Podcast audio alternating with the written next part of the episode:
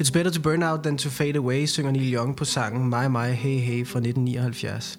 En linje, der på skræmmende vis gik igen i Kurt Cobains afskedsbrev, da han i 1994 endte sit liv og blev en del af Klub 27. Hvordan øh, holder man liv i flammen som musiker, uden at den brænder ud eller fader væk? David Bowie udgav et af sine bedste værker på sin 69-års fødselsdag, to dage før han døde, og Debbie Harry slog først igennem med Blondie som 31-årig. Men disse historier hører givet til sjældenhederne i en tid, hvor der synes at være et ideal om det ungdommelige i blandt andet musikbranchen, og hvor flammen kan være svært at holde i live igennem en lang karriere. I dette afsnit vil jeg sammen med musiker Mads Damsgaard Christiansen, også kendt som Goss, undersøge begreberne alder og udvikling relateret til livet som musiker. Mange tak fordi du lytter med, og velkommen til.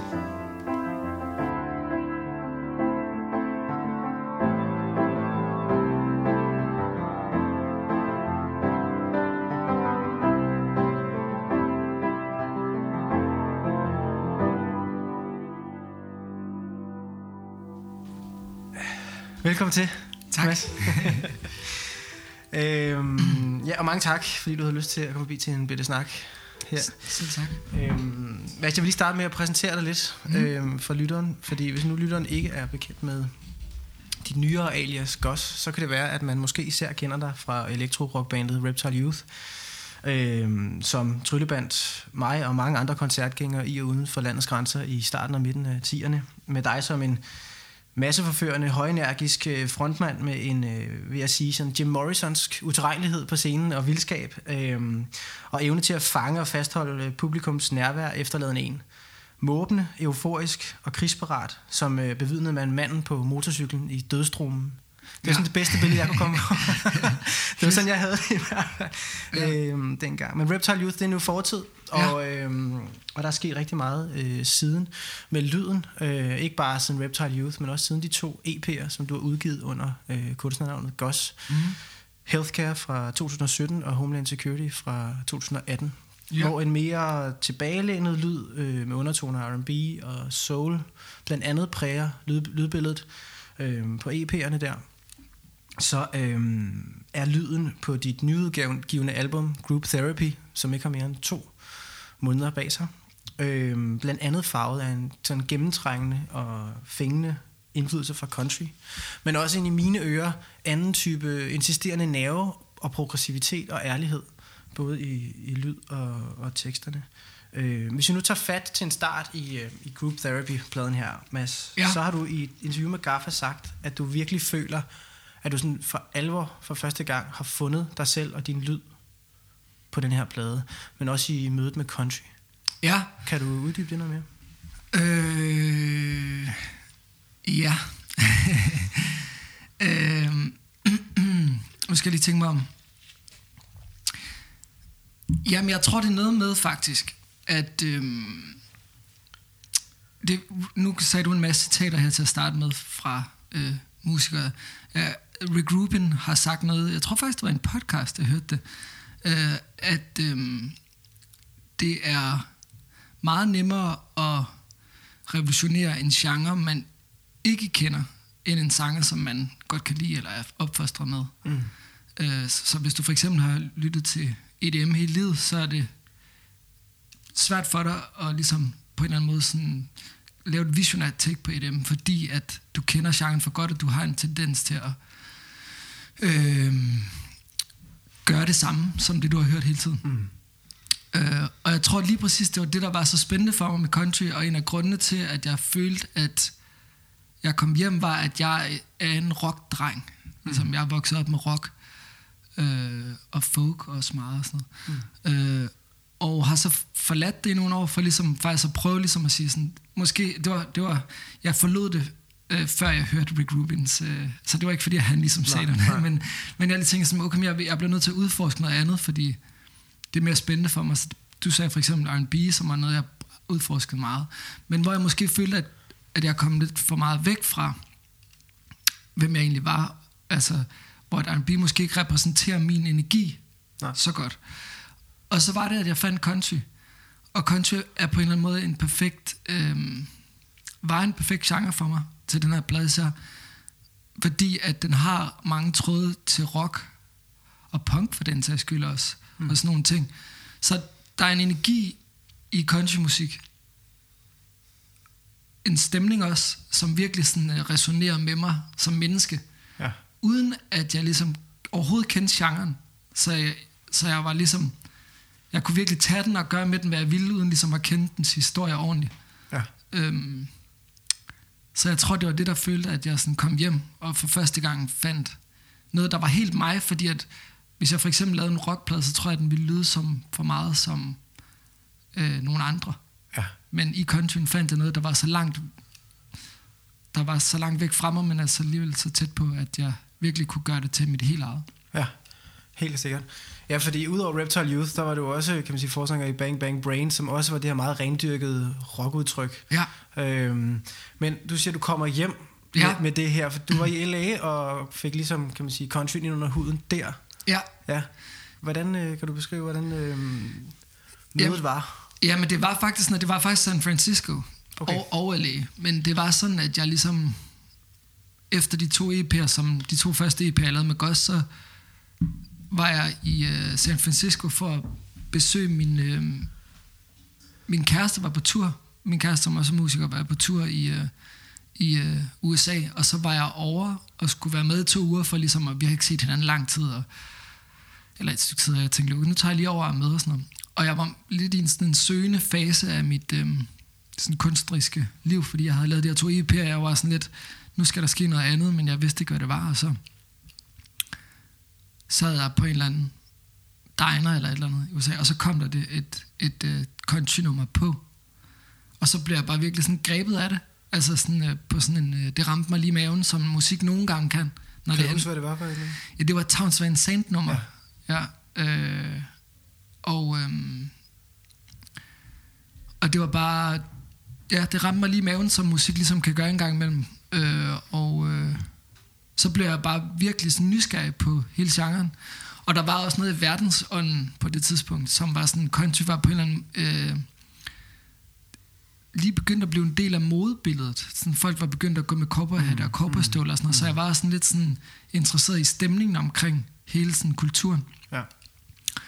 Og så blev jeg bare sådan besat af den. Altså Ja. ja. besat af sådan countrymusik. Og øh, Og country-kultur, ikke? Du ser Jo. westerns og går ja, fuldstændig præcis. ind i det. Ja, så alle de dokumentarer, jeg kan opstøve, Ja. ja. og ser westernfilm, og jeg har en ligesom... Jeg har nu en, en, en playliste på Spotify med måske i hvert fald over 300 ligesom country-sange, som jeg elsker, så jeg har virkelig sådan støvet alt, det jeg kunne. Ja. Kan du løfte sløret for, hvad den hedder, hvis nu lytterne er interesseret i Den hedder Country Winners, tror jeg. Jeg ved faktisk ikke, om den er offentligt tilgængelig, men det kan Okay. okay. jeg vel gøre den.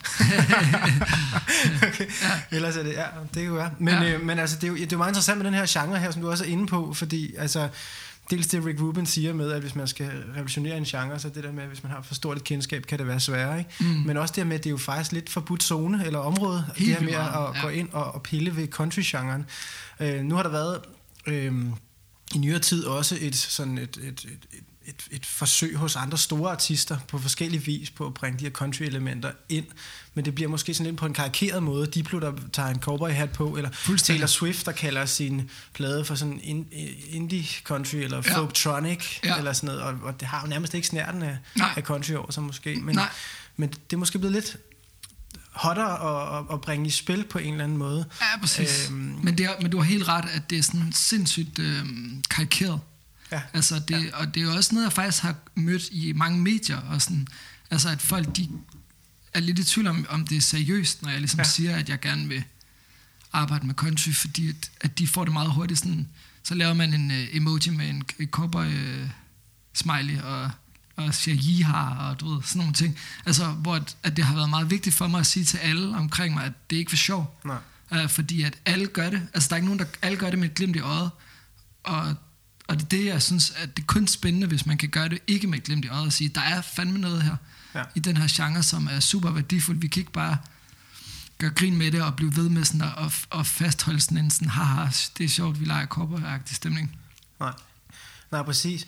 Og, men hvis vi nu sådan prøver at zoome lidt mere ind på, hvad det er, så du har lavet dig influere af, fordi det er jo et møde mellem forskellige, kan man sige, genrer. Det er jo ikke en til en, Nej. sådan, hvad hedder det, Dolly Parton Nej, country. Nej. Det er også, øh, der er meget, kan man sige, elektron, det er et elektronisk lydbillede også på mange Ja. måder, så det er faktisk lidt sådan, jeg har lidt en oplevelse af på en eller anden måde, det her sådan meget akustiske fra country, Ja. udtryk, Ja. løgne, Ja. rene, ærlige udtryk, mød, med mødet med også maskinen, mm. og det sådan øh, rå og, og Ja. sådan progressiv, ikke? Jo, meget.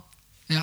Så kan du ikke sige, hvad det er for countryen, som du sådan... Øh, Jo, altså, men først vil jeg sige, at det har du helt ret i det der, og det tror jeg er så vigtigt at sige igen, det der med, hvordan jeg fandt mig selv, at jeg føler, at jeg er, jo, jeg er født på landet, jeg er født øh, altså i en skov, basically, uden for Svendborg, øh, eller op for, øh, opvokset.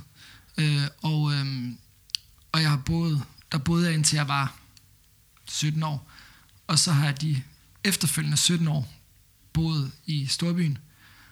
Og øhm, på en eller anden måde så repræsenterer pladen to dele af mig. Conjun repræsenterer den, jeg var, fra jeg var 4 år til jeg var 17. Den der nostalgi, den der sådan landet, øh, det, det åbne, det sådan organiske. Øh, og så er det så ligesom spædet op med den, jeg blev, fra jeg var 17 til jeg var øh, ja, 36 nu. Mm. Øh, at øh, den elektroniske musik, altså det er sådan mere kolde, det er mere sådan maskinelle. Øhm, og det er også derfor, jeg tror, jeg kom hjem på en eller anden måde, at jeg, jeg har forbundet de to sider. Den, jeg var, da jeg voksede op, og den, jeg var, den, jeg var da jeg blev voksen. Mm. Øhm, nå, tilbage til det spørgsmål. ja, Hvad det var for country, ja, øh, som jeg har brugt. ja. Ja. Øh, jamen helt konkret har jeg jo brugt rigtig meget guitar og øh, ligesom lyttet meget til hvordan man, hvilke greb man bruger i country i forhold til guitar, hvilke sådan, hvordan de bliver spillet, hvordan de bliver optaget. øhm, jeg har brugt country grooves, altså sådan, øh, sådan øh, tromme øh, tilgang. Øh, for eksempel på en sang, der hedder Blood, har jeg sådan arbejdet rigtig meget med et klassisk øh, country groove, der er, sådan, er baseret omkring sådan en lille trum. Øh, sådan, øh, nærmest en snare roll. Sådan. Øh, jeg har arbejdet rigtig meget med stemninger. øh, arbejdet rigtig meget med nostalgi. Altså, hvordan får man den der sådan lidt sådan... Øh, nostalgiske sådan, øh, følelse ind i det. Og i meget country synger man også om den tid, der var før, på en eller anden måde. Altså man sådan længes tilbage mod noget, der var før. Øhm, jeg har arbejdet med, øhm, øh, hvad hedder sådan noget, øh, ja, nu tabte jeg lige min tanke. Men jeg har arbejdet rigtig, altså jeg kunne blive ved faktisk. Ja, Jeg har, øh, ja, også øh, den simpelhed, der er i country, har jeg arbejdet meget med. Ja, Øh, altså ind til benet. ja, Øh, alt er meget simpelt. Øh, historiefortælling, teksterne, altid i fokus. Øh, der er sådan en øh, en til enhed i country. Altså sådan en, det er som om man, det er en samtale mellem lytteren og sangeren. Der er ikke, nogen, der er ikke, der er ikke rigtig noget filter. Nej, nej. Og du ved, sådan har jeg blevet ved. Jeg har virkelig sådan dyrket det, og prøvet at tage så mange ting fra det med ind i, ja. I min musik. Ja, det her omkring sådan øh, at længes tilbage. Altså der er noget interessant i forhold til det her med på den ene side, tænker jeg, at mange øh, i omkring, øh, kan man sige, 30'erne, 40'erne, 50'erne i, i livet, midt, midtvejs i livet cirka, mm. har den her oplevelse af på en ny måde at længes hjem. Man har haft en udlængsel som ung Ja, i mange år, Ja, en ekspansionstrang, en, ja. Et ønske om at udvide, udvide, udvide, og så lige pludselig så begynder man måske i højere grad at, længes øh, hjem igen. ja, Hvis man øh, Det er flytter til byen, så Ja. ja. længes man til, tilbage til landet og, Ja. og så videre. Så, totalt. så, så nummer som Country Boy, ja, øh, der er det jo beskrevet sådan ret eksplicit. Ja. Altså det her sådan dilemma måske i virkeligheden. ja, Ikke? ja, ja.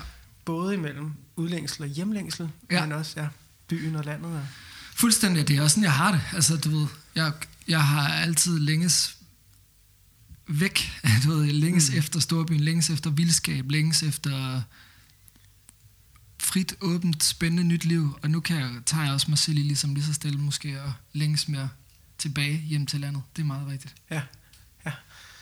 Øhm, jeg har læst i et interview, at du har beskrevet processen med pladen som en slags sådan meget terapeutisk proces. Ja. Altså hvor du graver dybt i dine tanker og følelsesliv Ja. på en helt særlig måde.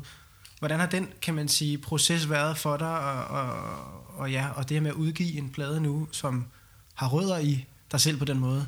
Ja, altså jeg tror altid, man, altså de mm. fleste kunstnere har det i et eller andet omfang klart, men, men jeg har prøvet at ligesom med den her plade og sådan tage det til et nyt niveau og være sådan, at alt skal ligesom være 100% forankret i mig, og det skal være rigtige oplevelser, rigtige følelser. Øh, det må ikke være noget, jeg forestiller mig. Jeg må ikke have det sådan, ej, det kunne være sjovt at skrive en sang om, og et eller andet. Altså, du ved, øh, det skal ligesom, hele skal ligesom være, være forankret i, i nogle ægte ting, der berører mig dybt. Ja. Øh, og det har været vildt fedt, fordi at det, altså, det giver jo vildt meget. Øh, men det er også besværligt, fordi at så skal man vente på, at der sker, altså man skal vente på, at man bliver berørt ja. i et eller andet omfang. Man kan ikke bare sige, at i dag vil jeg skrive en sang om, og, du ved, om at jeg du ved, savner min kæreste. Hvis jeg ikke gør det, så må jeg ikke gøre det. Eller du ved. Nej, nej. Øhm, men det har været fedt, og det er jo også det, som du siger, terapeutisk på den måde, at... Øhm, ja, jeg har sagt også i et interview, at det sådan, føles lidt som at fortælle hemmeligheder. Mm. Øh, at det er sådan ting, der sidder, måske også sidder fast i mig, og som jeg kan selv have svært ved at sige til mine venner, eller folk omkring mig, som jeg så vælger at synge ud i stedet for.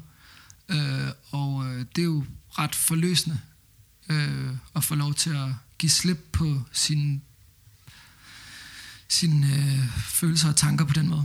Ja, og også i forhold til modtagelsen, hvordan har det været, det der med at så sende det ud og skulle have andres ører og øjne på det? Har det også været forløsende, eller har det også været sådan nervepirrende, eller hvordan har det været? Ja, begge dele, ja. men, øh, men helt klart forløsende. Øhm, øh, det jeg blev allermest glad for, var ligesom, at jeg kunne mærke, at mange folk omkring mig kunne relatere til det, og ligesom kunne sådan kunne se, det var mig. Eller du ved, sådan, de, der er mange, der har ligesom reageret og været sådan... Øh, jeg tror, folk bliver glade, når de ligesom kan se, at det er noget super ærligt. Altså, altså det, er sådan, det, det, er ikke, det er ikke mig, der prøver på at skabe et eller andet billede af, hvem jeg gerne vil være. Eller, sådan, så jeg tror, folk omkring mig har været glade for at kunne se, at, øh, at, det, er, at det er 100% mass, der ligesom bliver kanaliseret gennem det. Ja. Øh, men det er da selvfølgelig også lidt sådan... Øh, det er da også lidt øh, grænseoverskridende at sådan åbne op ind til sit liv på den måde. Ja. Det er jo, kan man sige, kræver et mod at, være, at vise den sårbarhed, eller være autentisk på den måde der, ikke? Øh, men, men noget andet, du har fortalt mig, Mads, det er det her med, i processen, den har været nogle år undervejs i sin skabelsesproces, ikke? Jo. Øhm, at det har også været en proces, som har haft nogle, nogle, nogle svingninger, i forhold til blandt andet det her med sådan mening med det hele øh, i processen. Ja.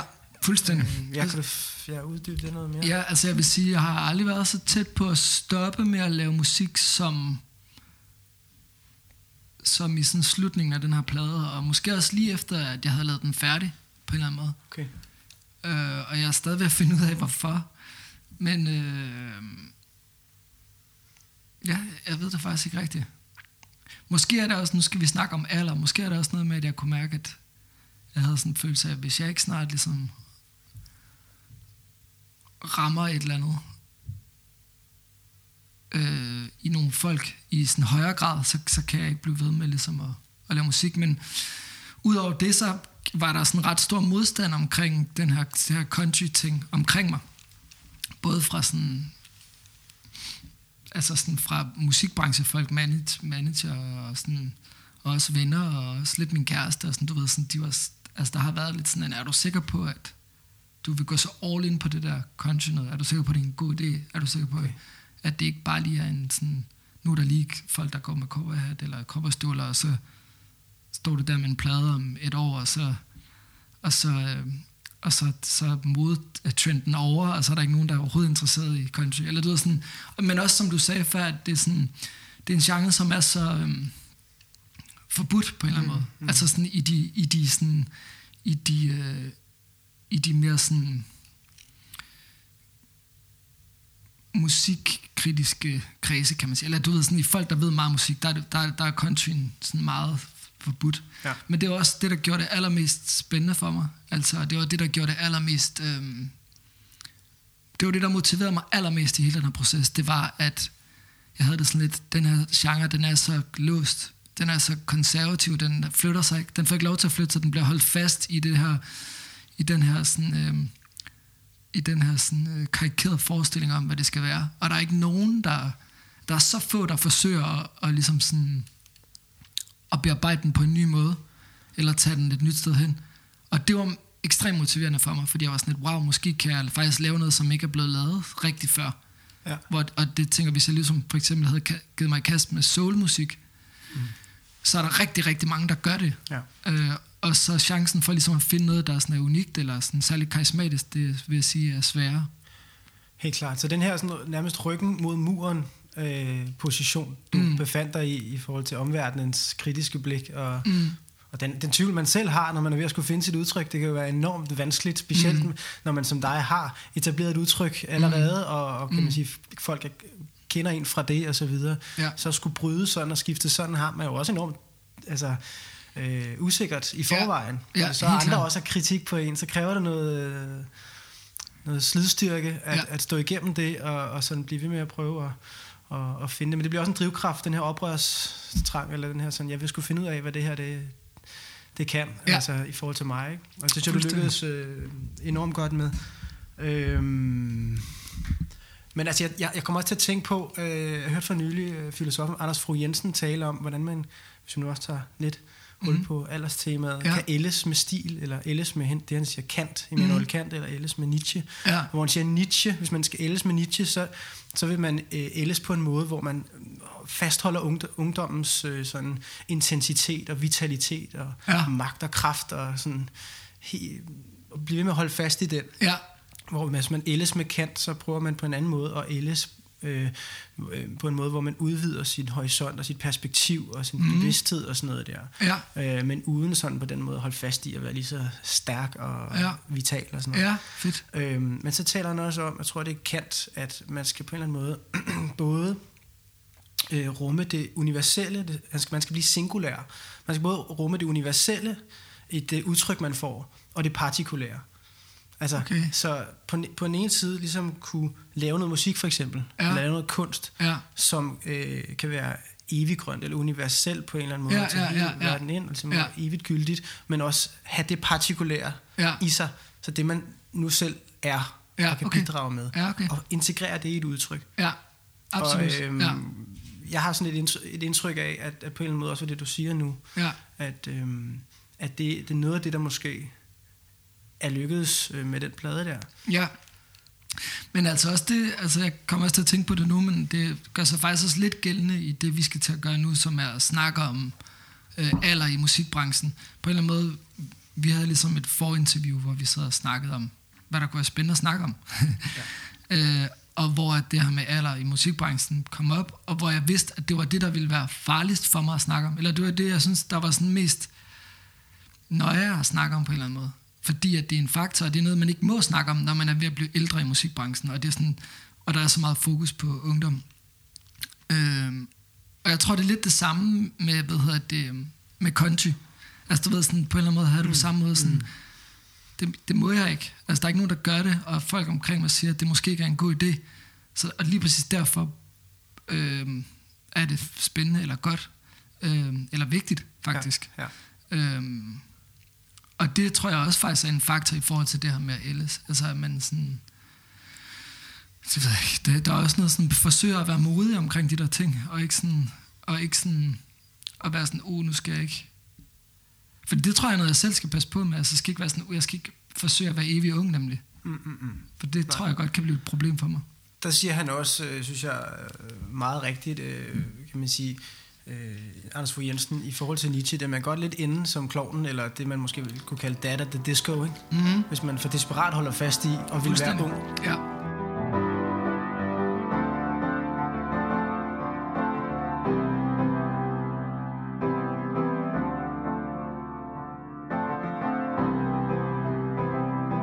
Inden vi sådan for alvor tager, tager hul Ja. på det her alderstema, Ja, ja. Øh, så kunne jeg godt tænke mig at høre til, øh, til en anden ting, Mhm. Som er øh, noget andet, du har sagt i et interview op til, eller lige i forbindelse med pladeudgivelsen, du lavede med Gaffa, at du inden Øh, du slap pladen løs, øh, trak dig i, i et sommerhus og, øh, og, og, fandt, og ville finde, finde roen der, Ja. ja. inden det hele gik løs. Ja, Øh, for det første, der har vel været en masse, kan man sige, program på, siden du udgav med medieaktivitet, Ja, ja, ja, ja, koncerter, du har spillet, Ja. interviews og så Ja, videre. ja. Har du holdt, kunne holde fast i roen, eller hvor er du nu på den front? Og, ej, på ingen måde kunne Nej, holde fast i nej. det. altså både fordi, at øh, der har været en masse, øh, du ved, arbejde omkring ligesom at skulle udgive pladen, men så har det faktisk også været helt vildt motiverende for mig at udgive pladen, og ligesom kunne mærke, at der ligesom opstod en energi omkring den. Og så har jeg, og det har ligesom øh, på en eller anden måde sådan øh, kickstartet en masse musik i mig fremad. Altså jeg har lavet vildt meget musik det sidste stykke tid, fordi at jeg er blevet så motiveret af at se, at, at øh, der opstod en energi omkring den her plade. ja, ja. Så, så nej, jeg er faktisk det modsatte. Jeg vil sige, jeg er sådan lidt, øh, jeg er sådan lidt øh, manio-agtig for tiden. Og også, hvad hedder det, det er som om, jeg sådan er lidt udbrændt. Jeg glæder mig mega meget til at få juleferie. Ja, fordi ja. jeg sådan, jeg, jeg, jeg bliver hele tiden sådan småsyg, fordi at jeg ligesom arbejder for meget, og ikke kan finde ud af at slappe af. Ja, okay. Så der er også sådan en restløshed, altså Ja, lige nu i høj grad, og en travlhed. Ja, Øh, ja, fordi jeg synes, hvad kan man sige, man fornemmer jo en afklarethed i forhold til udtrykket af, af, af, af bladet, men også en ro, øh, blandt andet i sådan ja, det ærlige udtryk, og Ja. ja. det simple udtryk, og så Ja. videre. Men der er også en restløshed at spore på pladen, synes jeg. Altså, vi Ja. tager sådan nummer som Racehorse, mm, øh, og også Everybody's Going. Ja, ja, altså, ja, ja. FOMO'en her. Ja, ja. Øh, og også i musikken, der er sådan citron. ja, 100%. Der er også blot, der er mange af dem faktisk, Blot også, som ja, har præcis, præcis. en, en tydelig øh. Restløshed, ja. ja. ja. Og kan du ikke fortælle om den restløshed? Altså, hvordan sådan, den, er det noget, du sådan har bruger produktivt, eller brug for at tæmme, eller hvordan er restløsheden, indvirker den på dit sådan? Ja, det er et godt spørgsmål. Altså, øh, nej, jeg tror, det er en drivkraft i mig, at jeg hele tiden har brug for at komme fremad. Altså, så på den måde er, er det noget positivt, men det gør måske også, at jeg har svært ved at være i ting i længere tid. Altså både sådan, øh, når jeg er i studiet, øh, så skal jeg hele tiden føle, at jeg kommer fremad. Jeg er ikke så god til at sidde og sådan, øh, nørde med noget i rigtig mange timer. Altså sådan en lyd eller et eller andet, hvor jeg har arbejdet sammen med flere sådan, forskellige producer, som vi ligesom producerer sammen, og hvis der så er nogen af dem, der sådan har behov for at sidde og bruge to timer på at arbejde med en eller anden lyd, eller så bliver jeg meget hurtigt restløs, og sådan, så det, det, kan, det kan jeg ikke rigtig finde ud af. Det, så skal jeg hele tiden videre. Øhm, Gør du noget for sådan, kan man sige, så at balancere det, eller sådan tæmme det, hvis der så alligevel er mm, situationer, hvor du nej, det kan jeg ikke rigtigt, tror jeg. Det er som om, det, det er meget sådan intuitivt. Jeg kan, det, der er et overskud af energi. er lidt, jeg danser meget også, når jeg er i studiet. Ja, ja, altså sådan, nogle gange, når jeg er i gang med at lave en sang, så er det sådan det der med sådan at forstå sang, så kan jeg godt ligesom lige at stå, altså prøve sådan at danse til den, ligesom meget rundt i studiet, sådan, sådan ja. Slippe min fysik fri i musikken. og det, hvilket du også gør meget på scenen. Altså, Ja. nummeret lever jo igennem dig på scenen på mange måder, kan man sige. Musikken og, og det hele sådan, det er, sådan, det er meget sådan, øh, ja, bes- beskrevet kropsligt også. Ja. Altså, når, når det var det også med, med Reptile. Ja, ikke? altså, ja, både ja. udtrykket og musikken på mange måder. Ikke? Ja, jo. Øh, så der er, der er en energi der. Øhm, hvad hedder det? Øhm, ja, fordi i forhold til det med så at finde, finde ro, eller finde roen som musiker, eller sådan det der med sådan at lande. Du har også sagt, at du har været altid drevet enormt meget, som du siger, af det næste. Ja. Og næsten når en sang var færdig, så skulle du lave en, øh, lave en ny. Men der er noget andet, du har lyst til at dvæle ved her, Ja, ved Group Therapy. ja. Så der er måske noget, der er landet lidt. Eller? Ja, det synes jeg altså. Jeg tror for første gang i hvert fald, så forsøger jeg, nærmest for første gang i mit liv, så forsøger jeg at arbejde videre i samme øh, lydunivers og samme energi, som jeg gjorde på Group Therapy. Mm. Øh, og det har jeg aldrig prøvet før. Øh, egentlig har jeg tænkt sådan, at du ved, burde jeg ligesom finde noget nyt? Altså, sådan, men, altså finde en ny ting, jeg skal sådan arbejde med. Men så tænkte jeg alligevel, at det er måske den største udfordring til mig selv vil være ligesom at prøve at fortsætte i det samme, i den Ja. samme energi, i, den, i det samme udtryk, i den samme sådan, lydunivers. Ja. Så øh, Altså sådan konsolidere frem for erobre. ja, præcis. Ja, Ja, og, sådan, og altid være, være på vej væk. Ja. Altså, ved, sådan, men prøve sådan at, at, at blive lidt. Ja, helt klart. Hvad hedder det, som du siger, alderstemaet er jo noget, vi kan man sige, har fundet fælles fodslag omkring. Ja. Øhm, og jeg tænker, som sådan en introduktion øh, til det tema, Ja. øhm, så var der øh, for nylig, øh, der er blevet, kan man sige, på mange måder øh, sat spotlys på, på det her med aldersdiskrimination mm. i mange kreative fag, blandt andet musikbranchen. Ja. Og for nylig til Danish Music Awards blandt andet, mm. så øh, øh, satte øh, Annika Aukær Verden der spot på diskrimination, og blandt andet aldersdiskrimination. Ja. Og hun fremhævede et vidnesbyrd fra en, fra en yngre kvinde øh, i musikbranchen, som hvis management, tror jeg det var, havde opfordret hende til at lyve sig yngre. Mm, tror, hun var ja. 25 år. Okay, så hun ja. var ikke tusse gammel. øhm, hvad hedder det? Øhm, ja, så, så, ja, så det her fokus på diskrimination og det her kulturelle opgør på en måde, der er, der er i gang, øh, Ja. det, det, kan man sige, det har ligesom lidt Ja. vind i sejlene lige nu. Ja. Er det et øh, opgør, som du synes er sådan, øh, ja, øh, modningsparat eller vigtigt øh, lige nu, eller hvordan Ja. ser du på det her sådan? Øh, Ja, det, altså det er jo fordi, at jeg selv er ved at blive ældre, ligesom vi alle sammen er, så synes jeg selvfølgelig, det er en relevant sag. Ja. Men øh, jo, altså jeg synes, der er jo også noget i vores tid, som er, at, altså, som er at i vores samfund, at, at øh, vi trækker vores liv ud. Vi bliver ældre. Øh, vores generation bliver ældre end vores forældres generation og, og så videre. Øhm, og derfor så kan man sige, at min ungdom er blevet trukket meget længere end de, med de foregående mm. generationer. Altså jeg er 36 år nu, og føler på en eller anden måde stadig, at jeg er i min ungdom. Mm. Der var sådan for nylig, læste jeg sådan en nyhed om, at alle unge burde, burde lade sig teste, coronateste, før de tog hjem til jul. Og så tænkte jeg med det samme, ja, det er nok godt, at, jeg, at det er nok rigtig godt, at vi gør det, eller det er godt, jeg gør det. Jeg tænkte mig selv ind i den kategori. Mm, mm, mm. Og så læste jeg videre ned, og så så jeg, at de unge, det ligesom var de sådan noget 17 til 25 år eller et eller andet. Det var okay. den gruppe, de snakkede til, og så var jeg bare sådan, shit mand, jeg havde ligesom af natur ligesom tænkt mig selv ind i, i, i den kategori. Ja, ja, ja. Øhm, men altså, det er jo noget med, at ligesom, vi strækker, vi strækker vores liv, Ja. og, og øh, vores ungdom bliver strukket, så på den måde kan man sige, at der er brug for os ligesom at få lavet en kultur omkring det. Men udover det, så er det klart, fordi at jeg er ved at blive, blive ældre selv, så, så begynder jeg at lægge mærke til ligesom, alle de gode ting, der er ved at ligesom, ikke være helt ung længere, mm. og derfor også ligesom, hvad der er brugbart ved det. Helt klart. Og hvad, hvad er det for nogle ting, som du sådan særligt oplever, der også kan vindes Ja. med al, al, al erfaring? Altså, øh, ja, altså du siger det jo selv, at erfaring er jo en, er en klar, er jo en klar øh, vinder. Øh, det kan det i hvert fald være, kan man sige. Det kan også være dårligt at få erfaring, fordi at det ser man jo også meget i musik, at, at folk finder et eller andet udtryk, eller finder sig selv, og så sidder de fast i det, mm. øh, og er ligesom ikke parate til at, til at ryste posen, og det bliver rigtig kedeligt.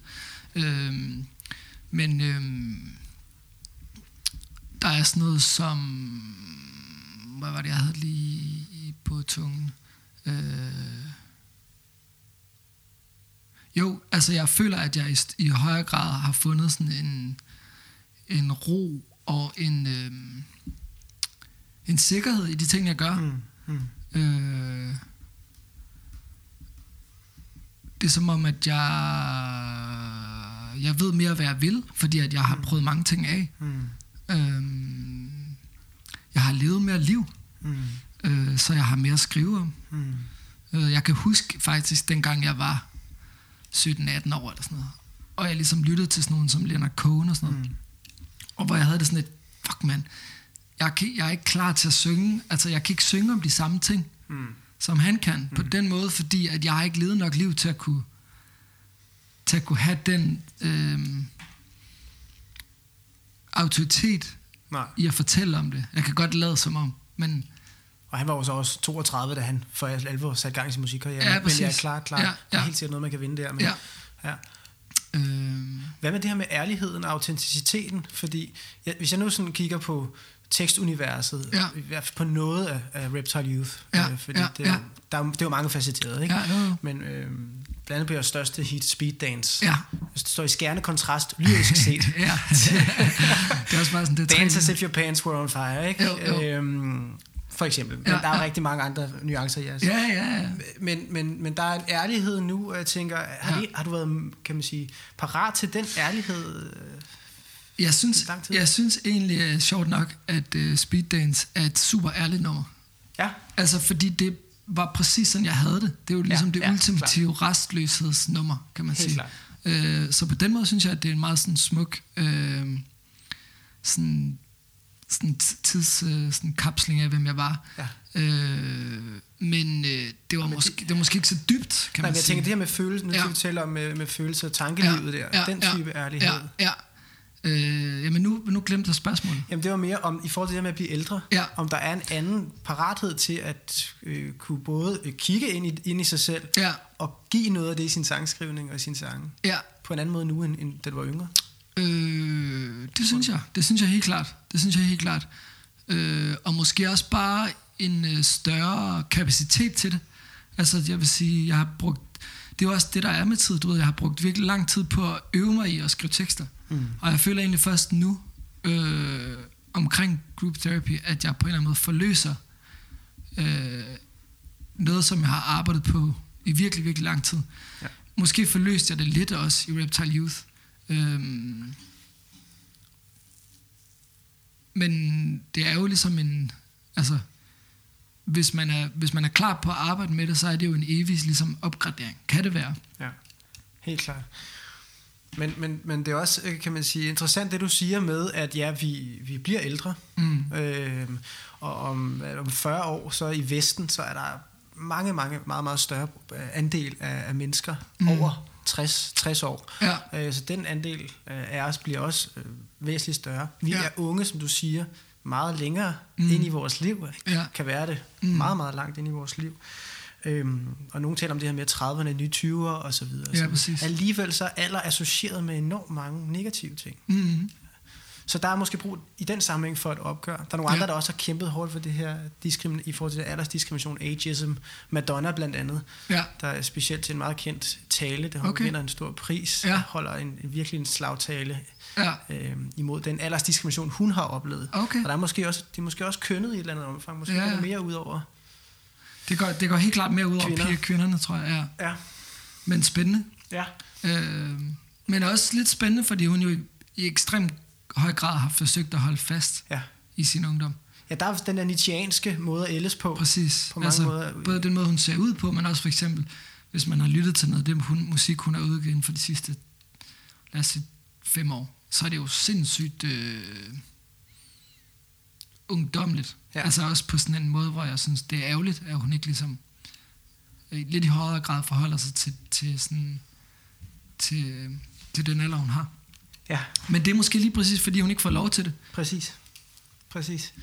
Ja, fordi det er jo det, man, man nemlig godt kunne tænke, ikke? Altså, det er jo det, hun har i hvert fald følt, at hun har haft en meget, meget, øh, været meget begrænset i hendes måde at fremstille sig selv på. Og mm. hun har været haft et ek- ekstrem overvågen, kritisk overvågenhed over, over alt, hvad hun har, har lavet, den måde, hun har, har været på, og hendes seksualitet og ja. alle ting, ikke? Jo. Øhm, så der er måske også en, en, en mindre rummelighed over for kvinder i forhold til at blive ældre, Mm. øh, som kan man sige, hun så blandt andet har stået op imod. Ja. Den anden vej, fordi aldersdiskrimination kan jo også være diskrimination over for, for yngre. Det kan være alle typer aldre, man har et eller andet fordomsfuldt forhold til. Mm. Er, er det også noget, der får spil, eller er det mest i forhold til det her med i musikbranchen at, at blive ældre, eller kan man også blive klandret for at være for ung nogle steder i forhold til... Eller du har oplevet det tidligere? Ej, det har jeg aldrig Nej. nogensinde, og jeg har nærmest, nærmest ikke hørt om det. Altså, Nej. jeg tror, at nogle gange kan, det, kan jeg godt høre sådan folk i musikbranchen sige, uh, vi vil virkelig gerne skrive pladekontrakt med hende her, men hun skal måske lige have lov til at finde sig selv. Men det er kun de, at det er kun de allerbedste, øh, sundeste pladselskabsfolk, der har den tanke, vil jeg Ja. sige. Øhm, fordi der er jo også noget med, at desto tidligere man får fat i folk, desto mere kan man påvirke dem i den retning. Altså som pladebranche, som musikbranche. Desto nemmere kan man påvirke dem i den retning, man gerne vil have, for at de skal sælge en masse så videre. Så. Ja. Ja, præcis. Og på den måde er det også en, en force og en styrke. Det er også nyhedens værdi. Ja, ja. Og det har man talt om, altså nu inden for fodboldens verden, ikke? Den Ja, ja. nye Messi, den nye Præcis. Ronaldo og så Ja, ja. videre. Ikke? Det Er der blik på det nye og sensationen i... Ja, ja, og desto tidligere at du på en eller anden måde kan vise noget kvalitet, desto mere talent er du, desto større muligheder er der for, at din kapacitet er enorm, og derfor så bliver folk meget interesseret, fordi man har ikke på en eller anden måde, man har ikke, øh, man har ikke vist sit potentiale endnu. Nej.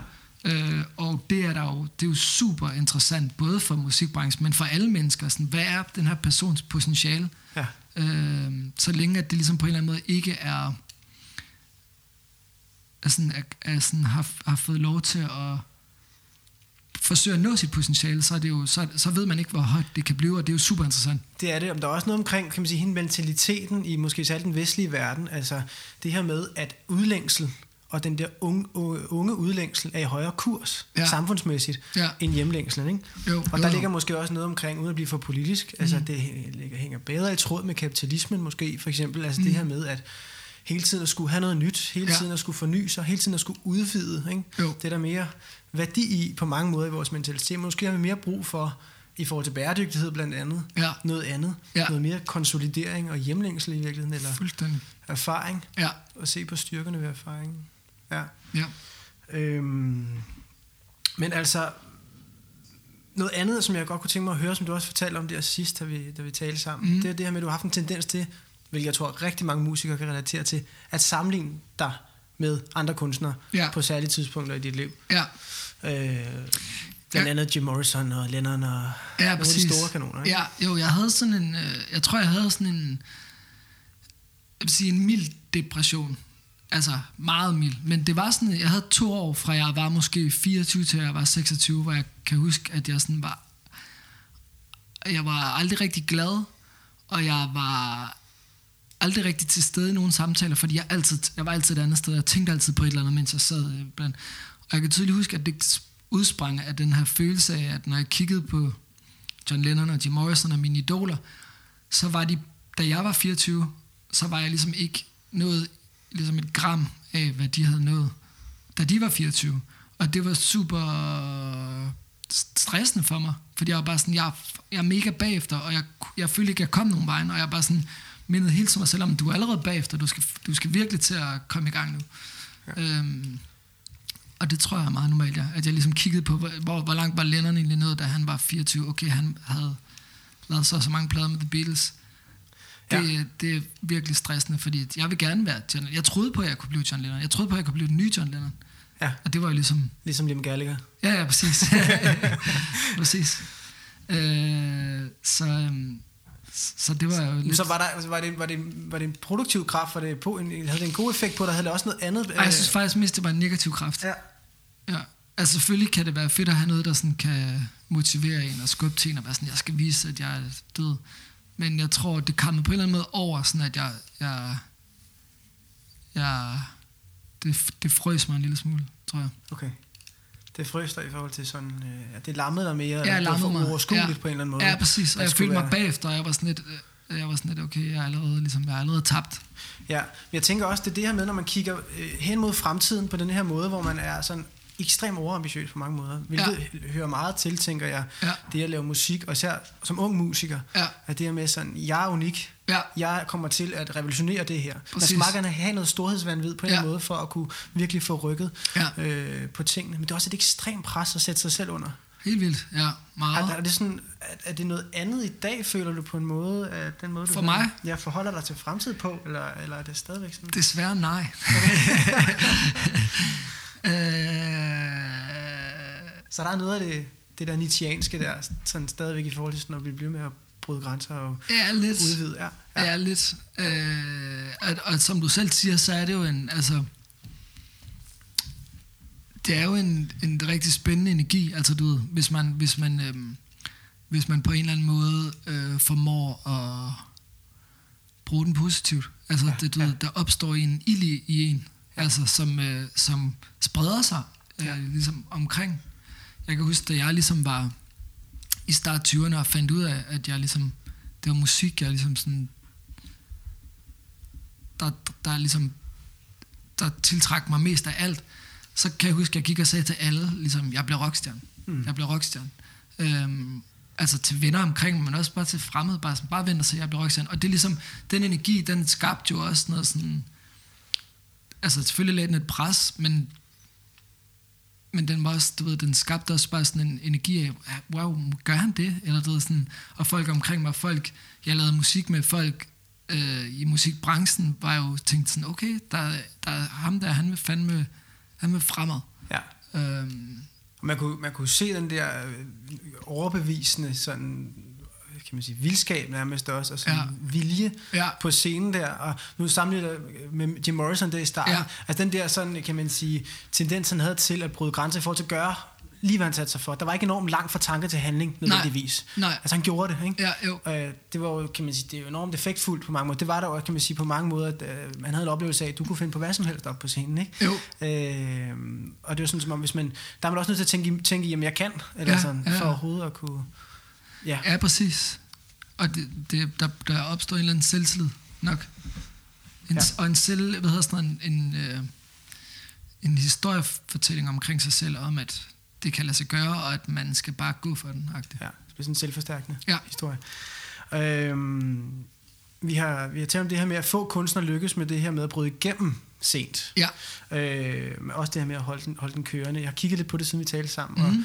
Der er nogle øh, flere eksempler, end da vi sagde, det var også kun et, tror jeg, Leonard Cohen eller sådan noget. Ikke? Ja. Men Bill Withers slog først igennem som 32-årig, eller Okay, sådan fedt. for alvor der øh, meget sent. Øh, der er også en del andre eksempler, sådan blandt andet Betty LaVette og Charles Bradley, og, og der er nogle flere. Ja. Men det er stadig unikke historier. jo. Hvad tror du, der bliver sværere med alderen? Altså en ting er, hvis der er Det, aldersdiskrimination. det sjove med Bill Withers og Charles Bradley er jo, at de er soulsanger, som ligesom faktisk har øh, ligesom sunget meget sådan, øh, i kirker og sådan meget kristne, ja. Så tror jeg måske, de er vokset ud af det, at de aldrig har, øh, og det kan være en af forklaringerne på dem, at de ligesom har haft en stemme i et kristent miljø i lang tid, og så på et eller andet tidspunkt er der nogen, der har sagt, hey, der, der er altså noget her.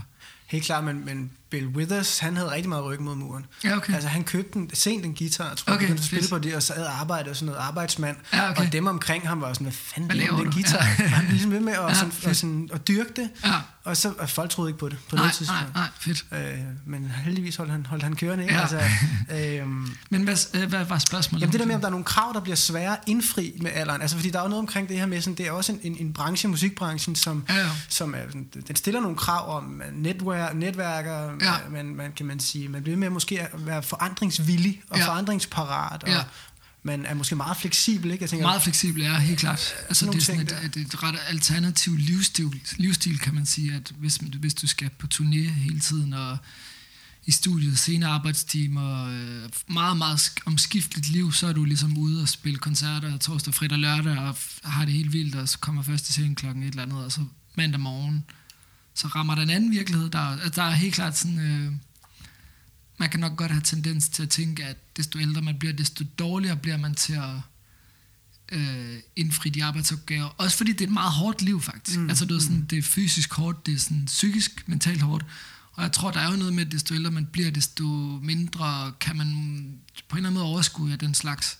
Når man er ung, så er man bare sådan, fuck det, jeg gør det hele, jeg er ligeglad. Jeg Præcis. tænker ikke på konsekvenserne, jeg tænker ikke på, Nej, på i morgen. på i morgen på noget Altså, men den her psykiske, de psykiske trængsler i det, Ja, altså, ja, kan du sætte nogle flere ord på det? Hvad der sådan, især for dig, er sådan det, det der sådan trækker veksler psykisk? Jo, men der er jo også noget med, det er en anden ting, men nu jeg ved jeg ikke, om det sådan relaterer til det spørgsmål, som, men som er en interessant ting, som er, jeg sagde ligesom til mig selv, da jeg var 21, jeg skal være rockstjerne. Mm. Og gik og sagde det til alle, og var 100% sikker, jeg skal være rockstjerne, jeg bliver rockstjerne. Øhm, men så, du ved, jeg blev det jo i et eller andet omfang, men jeg blev jo ikke Jim Morrison. Øh, og så på et tidspunkt, så er der gået 10 år, nu er der så gået måske, lad os sige, der er jo gået 15 år siden, jeg sagde det første gang. Lad os sige det. Når jeg så kigger tilbage på de 15 år, så har jeg, jeg har været helt sikker på, at jeg vil, du ved, jeg kommer til at finde min plads, jeg kommer til at, jeg kommer til at betyde noget. Og det tror jeg er en vigtig ting. Altså, jeg kommer til at betyde noget for nogen. Øh, Jeg kommer til at lave noget, som giver mening i vores samfund. Men så kigger jeg tilbage i 15 år, så tænker jeg, men hov, øh, gør jeg egentlig det? Eller gør jeg egentlig det?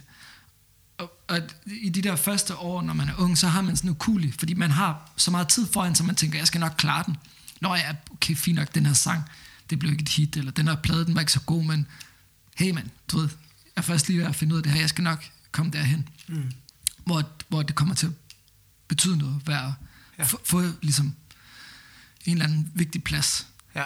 Øh, men når det så ikke sker, så begynder man at være sådan, hov, hvor, hvor kommer den der sådan, øh, kongetro fra? Altså, du Ja. ved, hvordan kan jeg blive ved med at gå og tænke, at det, det her det kommer til at blive vigtigt, det her det kommer til at betyde noget, når det ikke føles som om, det har gjort det på noget tidspunkt rigtigt. Og man er jo super kritisk på sig selv, for eksempel ja. med mit band Reptile Youth. Jeg føler slet ikke, at jeg øh, på nogen som helst måde nærmest formåede at øh, forløse mit potentiale. Altså, og jeg følte ikke, at jeg fik det op til, jeg, jeg tænker ikke nødvendigvis, at der var nogen, der fik mega meget værdi ud af det, men det er også fordi, jeg er hård ved mig selv, fordi at det er så faktisk en anden ting, der er ved Blella. Jeg kan mærke, jeg tror mere og mere, at jeg forstår, at det havde en eller anden plads, og det gjorde noget for nogen, men man vil jo altid bare gerne fremad. Ja, men det er meget interessant. Jeg har hørt et interview med Simon Kvam, hvor han siger, at det er ligesom om, når man bliver ældre, eller når det er omkring 40, 40 års eller sådan noget, mm. så er det ligesom, om, hvis man er et fly, og man finder ud af, at man er på vingerne, Mm. Altså, hvor man har været i gang med at lette jo som mm. ung, og med, altså, jeg skal ikke dø. Altså, Ja. jeg, jeg, jeg er måske en af dem, der ikke skal dø. Ikke? Ja, Øh, men så finder man ud af, okay, jeg er faktisk på vingerne, og Ja. så skal, jeg skal jo også lande igen på et tidspunkt. Ja. Og du har også sagt noget andet, som har slået mig, det her med, at øhm, kalder dig selv upcoming. Ja. øh, og det er, jo, det er jo enormt relativt i den her branche, ikke? fordi Ja. hvornår har man, har man klaret Ja. den, mm. og hvornår har man ikke. Ja. Men, men spørgsmålet er også, om du ved, øh, kan man sige, det der med, hvornår, at, øh, at du ved, øh, hvornår dine egne mål så er indfriet. Altså, Ja. hvad skal der til? Fordi, ja, hvis man nu forholder sig til det som også som en e- ego-ting, Ja, ja. forstået på en Ja, ja. mangefoldig måde, så egoet bliver aldrig midt. Nej. Øh, for eksempel. Altså, Nej, aldrig. øh, nu har Donald Trump været øh, Ja. regent, øh, for- hvad jeg sige, præsident Ja. i USA. Ja. Nu vil han måske gerne være det, være det på Mars, ikke? hvis han Ja, ikke får et ja. kæmpe kompleks over, at han Ja, ikke er den mest magtfulde person mere. Fuldstændig. Altså, så ego bliver ligesom ved med at ville fodres. Ikke? Jo, absolut. Så mere det med, hvornår ved man, at man ligesom er... Jamen, det, det, det er jo nok også, øh, du ved, problemet. det Ja. gør man aldrig.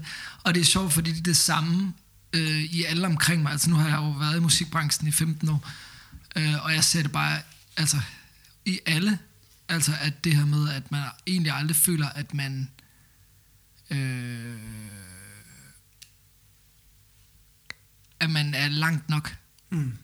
Altså, øhm, ja, Som, som måske er, er meget godt til en vis grad, men som også kan være kan man sige, rigtig hårdt, i forhold til det med spørgsmål om det, det der er hårdt psykisk. ja, præcis. Ja, det der med hele tiden at være på vej, det der med hele tiden at være under enormt hårdt pres, Ja, præcis. øh, om at skulle leve op til nogle, hvis man sammenligner sig med, med hvad John Lennon og, og Jim Morrison blandt andet havde Ja. impact, Ja, ja. altså kan man sige, så... Øh, Men det, men, det, men det er super rigtigt, altså, og det, øh, det er mega hårdt. Og jeg tror, det er mindre hårdt, når man er ung, fordi man er mere sådan, man tænker ikke over det. Men desto ældre man bliver, så, så tænker man mere over det. ja. Men en anden ting, der er sjov, og jeg ved ikke, om jeg springer i dine spørgsmål nu. Fyr Nu kom det bare lige op i min hjerne, men det er jo, at øh, altså, en ting er, at der er meget få, der har meget få musikere. Og jeg tror også, det er vigtigt at snakke om populærkultur faktisk, fordi mm. at hvis man snakker klassisk musik, så er det nogle andre, så er det nok noget andet. Men måske selv det også.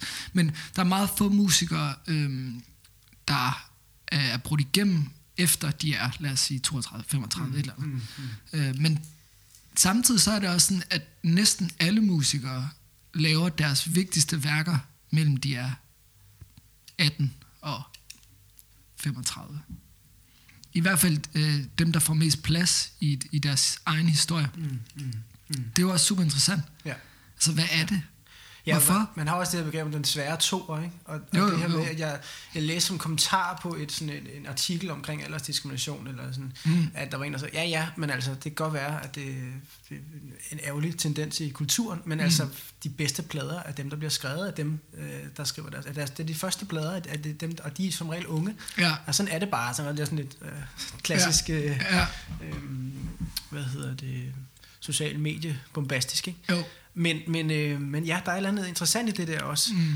Altså, jeg kunne godt tænke mig faktisk at lade det være en overgang til at tale omkring nogle af de øh, andre kan man sige, musikere, som du øh, har lavet dig inspirere af. Du Mm. har, nævnt over for mig, af David Bowie blandt andet, Mm. øh, Kanye West Ja. også, Ja. øh, Neil Young og, og Damon Albarn Ja. er nogle af dem. Og det er jo blandt andet nogle af de øh, kunstnere, som har formået at holde fast i flammen, eller holde den i Ja. live, kan man sige. Absolut. Vi tager et, et andet eksempel, som er endnu ældre. Dolly Parton, hun har lige øh, annonceret, at hun, øh, hun bliver 75 år den 19. januar, lige om lidt. Ja. Og 2021 skal blandt andet bestå af en verdensturné, Ja. og øh, medvirken i flere film og en bog. Ikke? Ja, ja, ja, ja. imponerende. Ja, ja. Øhm, Altså, hvad er det, som de her kunstnere lykkes med? Altså, vi skal prøve Ja, at undersøge det lidt. Altså, jeg tror, jeg tror at øh, noget af det, de lykkes med, det er ligesom at fortsætte at være nysgerrig. Mm. Det tror jeg er en kæmpe faktor. mm. Øhm, det er i hvert fald noget, jeg kan genkende i, øh, i de fire. Måske, måske Neil Young, han er lidt anderledes end de tre andre, synes jeg. Jeg, jeg sætter også pris på ham af nogle andre årsager. Mm. Men hvis vi nu tager udgangspunkt i Damon Albarn, Mm. David Bowie og Kanye West, Mm. Som også har tre ekstremt forskellige øh, kunstnere, som jeg synes er, er det er også det, der gør det spændende at snakke om, det er, at de er ligesom fortsat er super nysgerrige. Ja. Øh, og de bliver ved med at udvikle sig som kunstnere. Mm. De bliver ved med ligesom at være modige nok til at øh, genfortolke sig selv. Mm. Øh, kaste sig ud i nye genrer. Mm. Øh, men samtidig så kan man sige, bibeholder de jo selvfølgelig, jeg ved ikke om det er en selvfølgelighed, men det, det der gør det stærkt, det er, at de ligesom stadigvæk altid er mega meget sig selv. Mm. Man er aldrig i tvivl om, Damon, Al- at Damon Albarn er Damon Albarn, og han er ekstremt Dam- Damon Albarnsk i alt, hvad han gør. Ja. Altså både det, måde han synger på, men, og den stemning, der er hans nummer, men der er et eller andet, der gør, at han bliver ved med sådan at rykke ved musikken. Øhm, Præcis. Ja, virkelig eksperimenterende, ikke? Og har jo. Jo. et hav af projekter. Han er måske også det bedste eksempel på lige netop det, du taler om nu, ikke? Fordi. Mm. man kan sige, David Bowie øh, hvad hedder udviklede sig jo også enormt meget, øh, afsøgte jo gennem hele hans karriere. Nu talte vi om før, ja. To dage øh, før hans død, der udgav han øh, ja. Black, Black Star, ikke? ja, Øhm, som jo også er et enormt eksperimenterende album. Helt med vildt. enorm inspiration fra, fra blandt andet jazz og, og blæser. ja, Øhm, og, og det samme Kanye West jo også, men, men Ja. Damon Albarn er jo på, på en helt anden måde øh, lykkedes med, Janne, som du siger, at blive ved med at udfordre sig selv og udvikle og være nysgerrig i alle mulige henseender, Ja. på kræfter med nye ting, ja, øh, og samtidig bibeholde det der Damon Albarnske i det. ja. Øhm, Jeg, jeg synes også, der er en ting, som, øh, som David Bowie har sagt, som jeg synes er, er, er et godt citat i forhold til det her. Jeg kan ikke huske det præcis, hvordan det går, men han siger ligesom, at øh, hvis du føler, at du er ude på dybt vand Ja. med dit musik, så skal du gå lidt længere ud, ja, og så er du sikkert det rigtige sted. præcis. Øh, og, øh, og det tror jeg også på en eller anden måde øh, er noget, som alle de tre sådan, øh, kunstnere øh, omfavner. Ja. Der er sådan noget med mod, og, og det er faktisk ret vigtigt for mig at sige, at mod, det skal ikke ses som sådan en, den der, øh, sådan, sådan, øh, den der sådan, øh, øh, konservative, mandeagtige mod, sådan jeg, ved, jeg tør slås med dragenagtig, men fordi det kan også være mod til skrøbelighed, Ja, præcis. øhm, og mod til alle mulige ting. Men der, er- ja, der er et eller andet med mod også, og de tre, at, man sådan, at de tør blive ved med at kaste sig ud i ting. Selvom de har fundet, de har fundet øh, øh, recepten, skulle jeg så sige, øh, hvad hedder det? Øh, øh, Ja. ja. Men det interessante ved David Bowie er jo også, at hans øh, primære musikere, i hvert fald i hans livs efterår, karrieres efterår, de taler om, at først for alvor fra, fra deres øh, det hedder det, comeback-tur i 2003, at han var sig selv, og han var ærlig på en måde, han aldrig havde været før. Han ja. har Ja. også haft en masse alter egoer gennem Ja, tiden, ja, ikke? som han har gemt sig lidt bag. Så ja. Ja. det der ærlige udtryk, ja. Ja. han er også enormt generet jo, ikke? og også Jo. reserveret, så, ja. Ja. men det, senere så kom mod til også at være sårbar i forhold til en ærlighed. Altså ja. Ja. Blackstar er jo et, et kanon godt eksempel på Ja, det der med at være ja. øh, enormt autentisk. Det er sådan, ja. Som man får gåsehud, ikke? Jo. Øhm, men, men, men der er noget omkring netop, altså fordi Damon Albarn har også gemt sig bag blandt andet altså Gorillaz, Gorillaz, ja, det er og, rigtigt, det er super og, rigtigt. og, så videre, hvor man kan sige Kanye West, hvis vi nu bare tager ærlighedsbegrebet, altså Ja. Kanye West ærlighed er jo så også en anden end for eksempel Neil Youngs eller Lennons, for Ja, Lennon var ja. også meget ærlig, Ja. og sagde jo faktisk, hvad der stod hans hjerte nært, ikke? og Jo. måtte virkelig tage nogle kampe på den konto. ja. Kanye har også virket sådan en lille smule ærlig på sådan en øh, nærmest ufiltreret, usensureret, voldsom måde. Ikke? Eller Jo, sådan, der er jo. meget forskel på ærlighed der. Helt vildt. Helt vildt. Ja, men de har alle sammen... Men det er sjovt, det der med alter egoerne og gorillas og sådan noget. Det er rigtigt nok. Og det tror jeg på en eller anden måde, det er jo også et, øh, et greb for at få lov til at blive ved med at udfordre sig selv. Øh, altså, det, det er måske ikke så ærligt at tage et alter ego. Mm. Øh, fordi at man på en eller anden måde gemmer sig bag et eller andet. Men, øhm, men det er jo et mega spændende greb i forhold til sådan at udfordre en side af sig selv. Ja. øh, udforske, øh, ligesom prøve at finde, ligesom hvis jeg lader som om jeg er den her øh, udgave af mig selv, hvordan, øh, hvad er det så for noget musik, den udgave laver? Og Ja. ligesom prø- prøve sådan at, at sådan max det ud. Ja. Men det er meget interessant det der med på den ene side at udfordre sig selv, og også at bibeholde sig selv, som noget, du har fremhævet. Hvis vi tager alberne igen, altså, der er jo for eksempel en kæmpe stor forskel på de albums, der går forud for Think Tank i 2003, ja. som Ja. er meget mere Britpop, ikke? Ja. Og hvor man kan sige fra, fra, fra Think Tank og frem, og han begynder også at lave sine egne projekter, Gorillas blandt andet, Ja. altså i, i der starten af nullerne der, ikke? Der er ligesom om, at han får også fundet noget der, Ja, som han også har holdt fast i og fået konsolideret og Ja. fået dyrket siden. Så det er Ja. på den ene side det der med at konsolidere, konsolidere men også at blive med at udfordre sig. ja, Så en kombination på en måde. ja, absolut. Øhm, Damon Albarn har jo sagt i et interview, hvor han bliver spurgt omkring alle hans mange partnerskaber og samarbejdspartnere, at mm. øhm, hvad er der for nogle forskelle, han ser i forhold til at arbejde sammen med erfarne kunstnere som Tony Visconti og Bobby Womack på den ene side, og så yngre kunstnere som Little Sims. Mm. Og så synes jeg, han siger noget helt genialt, som er, at han samarbejder ikke, øh, eller, eller det han samarbejder med, det er den andens ånd. Ja, And, uh, and spirit is ageless. fedt. Ja, det er så stærkt, ikke? Jo. Altså, så han, han affejer det fuldstændig og siger, at det er ligesom ikke alderen går ned, altså op i, Nej, det, nej, det er 100% ånden, Ja. og den kan, kan man sige, Ej, den kan du fedt. have lige meget Ja. ung eller gammel du. Ikke? Jo. Øhm, så det kan være, det måske også noget med det at gøre. Altså det der med i virkeligheden at bevare en ånd, som er, som du siger, nysgerrig, Ja. udforskende, udfordrende. Ja, Også. absolut. Ja.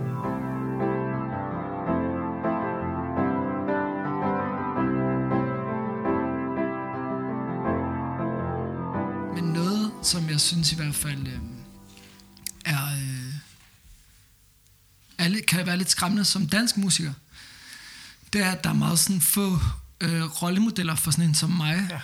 Ja. øh, i Danmark. Der er ikke så mange, der har gjort det, som jeg... Der er, der er ikke så mange, der har levet det liv, som jeg godt kunne, kan tænke, eller kunne tænke mig at leve, eller forestille mig at leve. Og det, det kan være lidt svært som musiker, det her med, at for eksempel, hvis du er, lad os sige, du er læge, eller du er alt muligt. Altså sådan lidt mere sådan... Øh, en anden form for job, så, så er det meget tydeligt at se sin karrierevej fremadrettet. Du ved, så man kan blive bedre og bedre, man kan uddanne sig mere og mere, man får mere og mere i løn, man du ved, bliver mere og mere velanset eller får ansvar, hvis man ligesom ligger arbejdet selvfølgelig. Men som musiker, som sådan som mig, så er det som om, der findes en eller anden... Jeg ser det, hvis man sådan visualiserer det, så ser det ligesom sådan at hvis jorden var flad, så, så går vi ligesom i en, lad os sige, vores liv er linært, og så går man ligesom på en eller anden vej. Vi går alle sammen på en eller anden vej. Den samme retning. Og så er det bare som om, i min branche, at der er der en skillevej, lad os sige 40 år eller noget, øh, som folk falder ud over, i forhold til, hvem jeg kan spejle mig i. Og så er der, så er der ligesom en, en kløft, hvor at folk bare falder ned.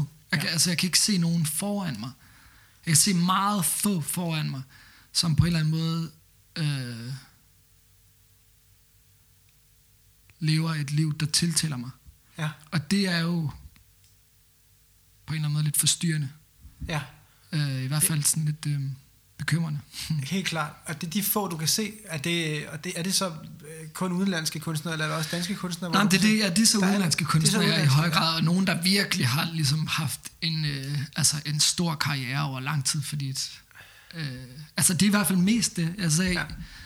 Hvad nu med sådan et, hvis nu tager et, øh, et dansk navn, som ja. Formået at holde fast i deres egen integritet mm. og, og, hvad kan man sige, kunstneriske mm. virke og ånd i rigtig, rigtig mange år. Ja. Øh, Savage Rose, ja, øh, for eksempel. ja, Øhm, godt, godt, øh, godt valgt. selvfølgelig kan man sige en stor Ja, gruppe ja, af, af folk, som Ja. virker sammen. ja men det er klart.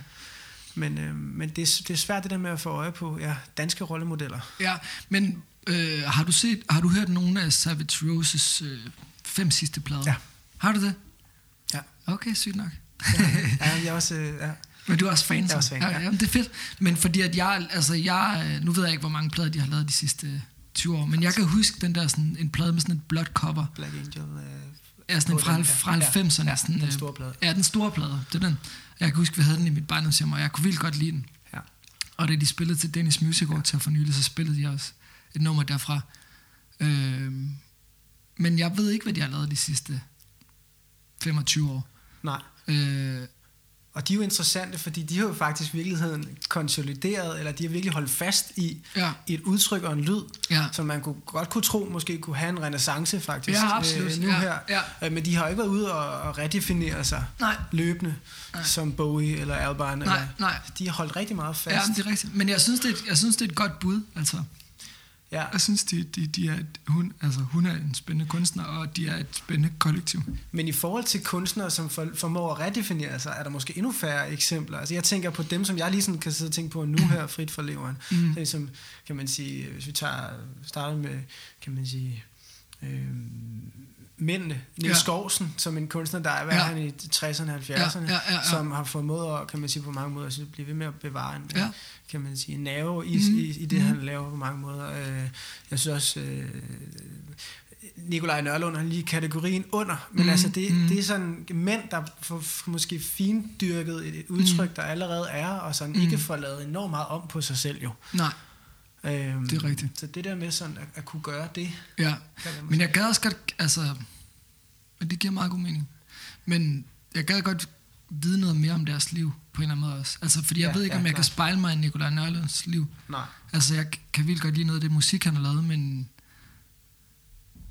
Jeg, jeg ved Men ikke hvad er nok... det for et liv, hvis vi nu siger, nu tager vi sådan en klassisk Jamen, er også det, er det liv? spørgsmål. Ja, ja. Altså, altså, fordi det er jo også noget af det, der er sjove ved tiden. Det er Ja. det der med, at man skal forholde sig til, hvor man er Ja, om, om 15 år. Ja. Og man skal gerne have en eller anden kvalificeret idé om det. ja, Og spørgsmålet er, om det er særlig godt, at vi hele tiden skal Ja. være enormt optaget af ja, fremtiden. Ikke? jo, Øh, men det er vi jo på mange måder. Ja. Der er den her unge udlængselsidé måske meget fast i os. Ja. Men hvis nu spørger dig, ja.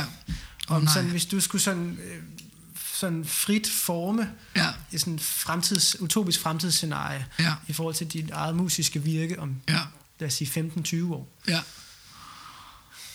Åh, det er Og også menneske, altså som menneske. ikke? Ja, ja, præcis. Jo, præcis. Jamen, det, det, det er jo vildt svært at svare på, men jeg tror for mig handler det jo om det her med sådan at ud, blive ved med at udgive musik, som, øh, som på en eller anden måde øh, øh, betyder noget for folk, men som også, men også ligesom blive ved med sådan at, at ikke, eller i hvert fald ikke sidde fast, altså Mm. som kunstner. Mm. Ikke sådan... Øh, ikke finde en eller anden opskrift eller en eller anden ting, som man gør, så gør man det, fordi at man overgår ikke ligesom at konstant at skulle øh, sådan ge- genfortolke sig selv. Ellers så, selvfølgelig kan man også sige, at så er der nogen, der vil argumentere for, jamen hvad med at finde et udtryk, og så blive ved med at forfine det. Og det giver også mening. Jeg synes bare tit, når folk forsøger at forfine et udtryk, så ender det med at blive sådan nogle, så skriver de dårligere og dårligere sange, som Mm. bare minder om de gamle, Ja, men som ligesom som bare er lidt dårligere. Og så kan det være, at man i virkeligheden bliver, kan man sige, slave for det her råb ude fra publikum. Spil noget, vi kender. Ja, ja, mega meget. Ja, Man skal jo hele tiden leve op til noget, der var engang, som Ja, kan ja. blive enormt hæmmende for ens kreative virke, tænker jeg også, og totalt. Evne til at udvikle sig. Ja, Jeg tænker, der er også der er mange flere eksempler. Nu er det sådan lidt fingerpegn at sidde og nævne dem, ikke? jo. Altså, men, men på kunstnere, som måske stagnerer lidt og bliver ved med at trække i leder, lederjakken, ikke? Ja, ja. Og den, altså, det Ja, ja. bliver sådan lidt data the disco-agtigt i, i længden, ikke? Eller ja, plagiat noget, der var engang. Ja, Øhm, totalt. Men i forhold til liv er det jo også noget med, at sådan, altså jeg drømmer jo på en eller anden måde om at blive ved med at kunne leve et, sådan et, et, et, øh, et frit øh, sådan kunstnerisk liv, men og så skal, jo, så skal man begynde at tænke børn ind i det. Og det, er jo, det bliver lidt spændende, øh, hvordan det sådan skal, hvordan man gør det. ja. Ja, det er jo der, hvor det er, kan man sige, ret ubarmhjertig branche at, øh, at, øh, at være en del af, tænker jeg. Fordi Ja. der er ikke enormt meget sikkerhedsnet Nej, i den branche der. Og Nej. der er ikke enormt meget rummelighed og tolerance, og det finder vi ud af. Og, nej, nej, nej, nej. øhm, alt muligt, man kan læne sig op af. Ja, øhm, barselsårlov og overenskomster og alt muligt andet. Ja. Altså, så der er du ligesom bare din egen, og du må ligesom få det til at fungere. ja, Og så leve med den risikovillighed hele Ja. tiden. ja, ja At hvis jeg nu øh, trækker mig på en barsel i, i et år, Ja, dels er der så nogen, når jeg kommer tilbage, Ja, og ja. er jeg der så, når jeg kommer tilbage? Præcis, præcis. Men en anden ting er også, det var faktisk, øh, jeg sagde noget til dig, før vi begyndte her, ja. før vi startede med at optage, som var, at jeg tænkte på noget her til morgen, som jeg synes var rigtig sjovt. Og nu kom det tilbage til mig, øh, som var, at, at jeg er altid bagefter. Altså jeg føler altid, at jeg ligesom er bagefter i, mit, i det, jeg gør. Jeg er aldrig ligesom... Jeg kan aldrig gøre tingene hurtigt nok, og hvis man laver en mega god plade, så, så er det første, man tænker på, lige så snart den er mastreret og sendt afsted til vinyltryk, det er, okay, men jeg ved ikke, om den er god, men hvis den er god, så skal jeg virkelig være klar med noget nyt musik efter det, fordi så har jeg en mulighed. Øhm, for ligesom, at der virkelig er nogen, der lytter, så nu skal jeg virkelig vise, hvad du er til. Og på den måde har jeg sådan haft en følelse af i 15 år, at jeg altid løber ligesom efter. Jeg har aldrig følt, at jeg var foran. Aldrig. En eneste gang, siden jeg startede med at lave musik, okay. har jeg følt, at jeg var foran. Øh, lige meget, hvor hurtigt man løber, lige meget, hvor meget man udgår, lige meget, hvor godt det går. Så, det tiden for en. Ja, så føler jeg bagefter. Så det der med at trække et år ud, øh, og ligesom sige, okay, nu skal jeg lige have et barn og passe på det, det føles sådan mega grænseoverskridende, fordi at jeg jo allerede er bagefter. Øh, ja. Samtidig med, at øh, ideen om, hvor du skal lande, for at du ikke er bagefter, ja, præcis. er fuldstændig fluffy. Ja, fuldstændig. Ja, meget. Ja. Ja. Så, og der tænker jeg særligt også i den danske musikbranche, ja, ja. altså kontra nu har vi nævnt nogle store navne, ja, ikke? Altså, ja, de har ja, en anden frihed, ja, de præcis. har en anden mulighed for at trække fuldstændig, fuldstændig. ud af kalenderen, og som præcis. øh, Bowie gjorde på hans næste sidste album, som ja, ja. også er enormt stærkt. Ja, ja. Jeg tror fem år før han døde, ja, ja. at ligesom sige, jamen jeg gør det her hemmeligt for hele verden, og så ja, ja. arbejder bare til det er færdigt. Ja, præcis. Det ja, kan du ikke bare lave. Nej, det er det, man skal nå op på et eller andet vist niveau. Og hvad med det krav? Altså, fordi der er også noget med at holde sig selv ved ilden, men også at holde øh, andres øjne festnet på en. Ja, præcis. Og hvem er det, der lytter til ens musik? Jeg tænker nu i forhold til, kan man sige, du sagde også, da vi talte om det øh, sidst, at det her med, at der er måske også en tendens til, at vi mange af os har defineret vores musiksmag omkring de 30 år. Ja. Så når man laver musik, så skal man også forholde sig til, selvfølgelig, hvem er størstedelen af dem, der lytter til ny musik. Ja. Og de er måske under 30. Absolut. Dem, ikke? De er videnskabeligt under 30. Altså, du, det er ligesom alle tal viser, at at folk, at det er en meget lille procentdel efter, en meget lille procentdel efter 30, der ligesom stadig er i gang med at definere deres musiksmag. At man har defineret den, før man er fyldt 30. Det vil sige, at man har fundet ud af, om man er til hiphop eller rock, eller hvilken slags kunstner man godt kan lide, eller hvilken energi eller type, bla bla. Det har man defineret, og tit et godt stykke tid, før man fylder 30. Øhm, og det er jo lidt altså hvis man ikke, jeg føler for eksempel, du sagde du tidligere, jeg føler, at jeg har været upcoming musiker i 15 år. Og det, er, altså det, det lyder lidt sjovt, men det føler jeg virkelig, jeg har. Jeg føler stadig, at jeg er upcoming musiker. Øhm, jeg har ikke fundet mit publikum endnu. Jeg har ikke fundet mit store publikum endnu i hvert fald. Jeg har måske fundet nogle publikummer.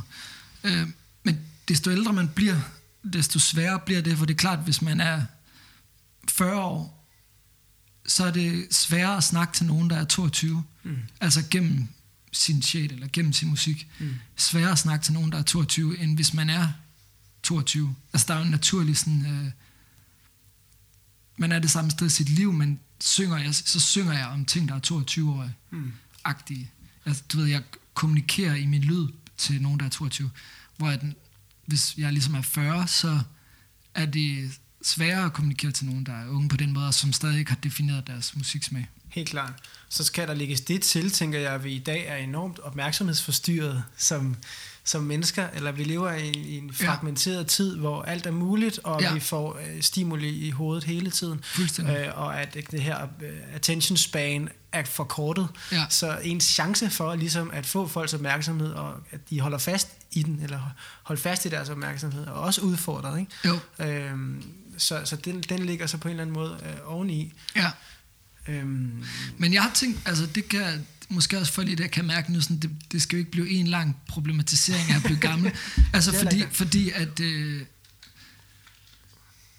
det skal ikke afskrække alle mulige folk omkring, at de ikke sådan, oh, når ja, det er for sent, vi kan ikke nå det. Vi er, altså, det, for det jeg gerne vil sige, det er, at jeg føler helt ærligt, at jeg klart har lavet min sådan, bedste øh, musik nogensinde det var den, jeg udgav for to måneder siden. Øhm, og det, der, det håber jeg, der på en eller anden måde kan være motiverende for nogen. Øh, og det kan da godt være, at det kan være en del af min... Øh, hvad hedder sådan noget, min ild, min sådan, øh, motivation, at jeg skal på en eller anden måde bevise, at, øh, at man er ikke slukket. Nej. Du ved, så man slukker ikke på den måde. Man kan ligesom vælge at blive ved med at forsøge at, at finde noget. Præcis, og øh, jeg kan godt tænke mig den sammenhæng at parafrasere Victor Hugo øh, i en sådan fri oversættelse af Anders Fogh Jensen, ham filosofen igen. For en, øh, en lille uddrag af en af hans, øh, tror jeg, digte, øh, der siger han, man ser flammen i øjnene på, den unge, på det unge folk, men i den gamles øjne ser man gløden. Fedt. øh, og det tænker jeg er enormt stærkt, men Ja, det er også stærkt, stærkt, fordi gløden ja. kommer ikke uden flammen. Nej, nej, nej, nej, slet Altså det er noget med at se livet og Ja. leve på en måde, Ja. som kan man sige på en eller anden måde, i overensstemmelse med gløden på en ja, eller anden måde. Ikke? ja, jo. Så man bevarer flammen, men som... Ja, ja, ja Jeg det er jo også, altså når nu, nu, nu siger du, øh, du ved, hvis du snakker filosofi, så tror jeg egentlig, det er noget, der sådan, det er jo noget, der kan, det er i høj grad noget, der kan sådan oversættes til alle mulige andre fag, og livet generelt, at det er vigtigt at blive ved med at være nysgerrig, det er vigtigt at blive ved med at være, være modig, det er vigtigt at blive ved med at ligesom ikke lukke ned og tænke, Nå, men nu, er, jeg- du ved, nu kan jeg lige så godt begynde at ligesom pakke øh, øh, den indre lejlighed sammen, fordi at nu er der kun 20 år eller 15 år til at begynde at være rigtig gammel. Så du ved, der er ikke nogen grund til, at jeg udforsker eller udfordrer eller er nysgerrig, eller du ved, fordi at jeg ved godt, hvem jeg er, og jeg overgår ikke. Og, Præcis. Mm. Og lige netop ikke turde tage det opgør, eller tage den udforskningseventyr med, Ja. med countrymusikken. ja, Altså fordi, ah, det er det for risikabelt. Ja, altså, der, der er, at man skal turde risikere sig selv, hvis man skal, kan man sige, også holde sin egen øh, flamme i live, ikke? absolut. Altså ja. sin egen glød i live. Ja, Fordi det er jo klart, hvis man står der og på en eller anden måde prøver at gøre det sikre, ja, så dræner det en, ja, ens vitalitet, men også ens kreativitet og Yes. hele motivationen for at gøre det. ja, Øhm, så det er måske sådan, kan man sige, for lige også at få givet lidt håb Ja, ja, ind til den her samtale. Meget, meget, meget god måde at se det på, men også Ja. måske, at der er der også brug for en helt anden måde at tale omkring øh, erfaring, hvis vi nu kalder det det, Ja. i musikbranchen. Altså Ja. dels sådan strukturelt set, hvordan prioriterer man, Mm. øh, kan man sige, hvem man signer, Mm. hvem man putter på plakaten, mm. hvem man spiller i radioen, ja. og så videre. Øh, men også for flere af de her historier om kunstnere, som netop tør at holde fast i øh, flammen og risikere sig selv, holde fast i modet Mm. og nysgerrigheden og åbenheden. mm, Øhm, og samtidig også i høj grad validere det, man vinder med tiden. ja, Altså fordi man vinder, som du siger, en større afklarethed omkring sit udtryk, mm. hvem man er. Man har mere at skrive om, man har mere livserfaring. Øh, måske er man mere autentisk. Fordi jeg tænker også, mange unge kan jo også være udfordret det her med, at gerne vil fremstå på en særlig måde. det er rigtigt. Det er rigtigt. Passe ind, ikke? Jo, absolut. Det har du helt ret i. At det er også en faktor, at man som ung, så vil man, så vil man virkelig gerne, ja, eller være sej, og det vil, man, det vil jeg sgu stadig gerne. Jeg vil stadig gerne være sej, men, men måske i højere grad, du ved, har du ret i, at man ligesom prøver sådan på at, og sådan, man har heller ikke helt fundet mig selv, sig selv, når man, når man er ung måske på den måde, så man sådan, det er nemmere for en at ligge sig op af noget andet i en, eller anden omfang. Ja. Ja, jeg ved det sgu ikke. Det er, altså, det er, det er lige så komplekst som livet selv. Ja, ja, ja. Men altså, der, der er i hvert fald noget omkring at være bevidst på et andet niveau. Altså at kunne skrive de tekster, du har skrevet på Ja. Group Therapy, Ja. øh, hvad kan man sige, kendt, vidner jo også om dels en, en, en, et mod på at være ærlig, øh, Ja. øh, men også vidner jo også om en bevidsthed omkring, mm. omkring dig selv, Ja. og nogle dilemmaer, Ja. og en, øh, hvad kan man sige, den bevidsthed øh, er måske også noget, der, der modnes, Ja. eller muliggøres med over tid, ikke? Ja, Øhm, Mads, jeg er sikker på, at vi vil kunne, øh, kunne Fortsætte ud i det Ja. uendelige univers her, men jeg tænker at alligevel at, at runde så småt af. ja, Øhm, men tusind tak, det var så lidt. for, Selv øh, tak. fordi du, øh, ja, for dit besøg her. Det Ja. var meget øh, inspirerende. Og øh, ja, så glæder mig til at øh, høre Group Therapy live Ja, i det nye år, fordi der er jo koncerter på beding. yes, det er der. Kan du ikke lige sådan nu her på falderæbet lige fortælle lidt om, øh, når man nu øh, skal ud og opleve dig, Jo, hvad man sådan kan, lidt af, hvad man kan forvente der live? Åh, det er det samme, som jeg sagde for 15 år siden. Man kan forvente, man kan forvente at der bliver slippet noget liv fri øh, ude på spillestederne. Og så, øh, det hedder jo Group Therapy Tour, Ja. øh, og øh, det er egentlig meget sådan... Øh, Ja, igen endnu et citat. Der har været mange af dem. Et, endnu et Rick Rubin citat. Men at, øhm, at på mange måder så det her med at være kunstner, det, der, er noget, der er en sammenligning med det her med at øh, være til et, et, øh, et AA-møde. Mm. At det er både den, der siger noget, og dem, der lytter på det, der får noget ud af at være der. Mm. Øh, og det er sådan samme... Øh, det er ligesom samme... Øh, hvad hedder det sådan noget? Attitude, jeg gerne vil have med til de her koncerter. Det er Group Thera- Therapy Tour, så det, du ved, jeg får noget ud af det, og folk får noget af det, og forhåbentlig så, du ved, så går man derfra og er blevet lidt friere, eller lidt klogere, eller lidt gladere, eller hvad man, Ja, et eller andet. Hvis man havde brug for at være ked af det, så er man lidt mere ked af det. fedt. Ja. Reson- resonansens kraft, Ja, kan man sige på en eller anden måde, ikke? jo, Altså, så, Absolut. så på den måde, så er vi alle sammen bevidnere til en koncert med dig. Altså, det var også det, jeg oplevede de gange, jeg har set dig Ja. live. Det er lige netop, det er en... Det er, det er koncerter jo tit, når de lykkes, ja. men det er jo en, en, en, et fællesskabsoplevelse. Men jeg tror også, det der er vigtigt at sige, det er, at det bliver kun en rigtig god koncert, hvis jeg også har brug for at være der. Altså mm. hvis jeg ligesom virkelig sætter pris på at være der, og, og sørger for at kanalisere noget ægte energi Ja. ja. ud. Og det synes jeg er noget, jeg også øh, gør meget ud af, det er både i den måde, jeg laver musik på, men når jeg spiller musik, er, at jeg skal kunne være præcis øh, den, jeg er på dagen i koncerten. Mm. Det vil sige, hvis jeg er ked af det, så kan jeg godt gå ind og spille alle sangene ked af det. Hvis mm. jeg er glad, så kan jeg godt gå ind og spille alle sangene glad. Øhm, og det, det tror jeg er en vigtig faktor, øh, Ja. fordi at så får folk øh, den rigtige energi, altså den ligesom ærlige energi. Ja. Men udover det, så gør det også, at jeg faktisk skal holde til det. Ja. Fordi hvis man er et band, der kun har skrevet glade sange, og aldrig må være ked af det, når de spiller koncert, så tror jeg, at, at så ender man med ligesom at gå i stykker, fordi du kan ikke altid være glad. Nej, en autenticitet er Ja. ødelæggende Ja, i for stort et omfang. ja, Helt sikkert. Ja. Jamen, jeg, jeg glæder mig ja, også til at følge med på Ja. den musikalske rejse. Ja. Fremadrettet, Mads. ja. Øh, mange tak igen, og øh, også mange tak til dig, der har lyttet med.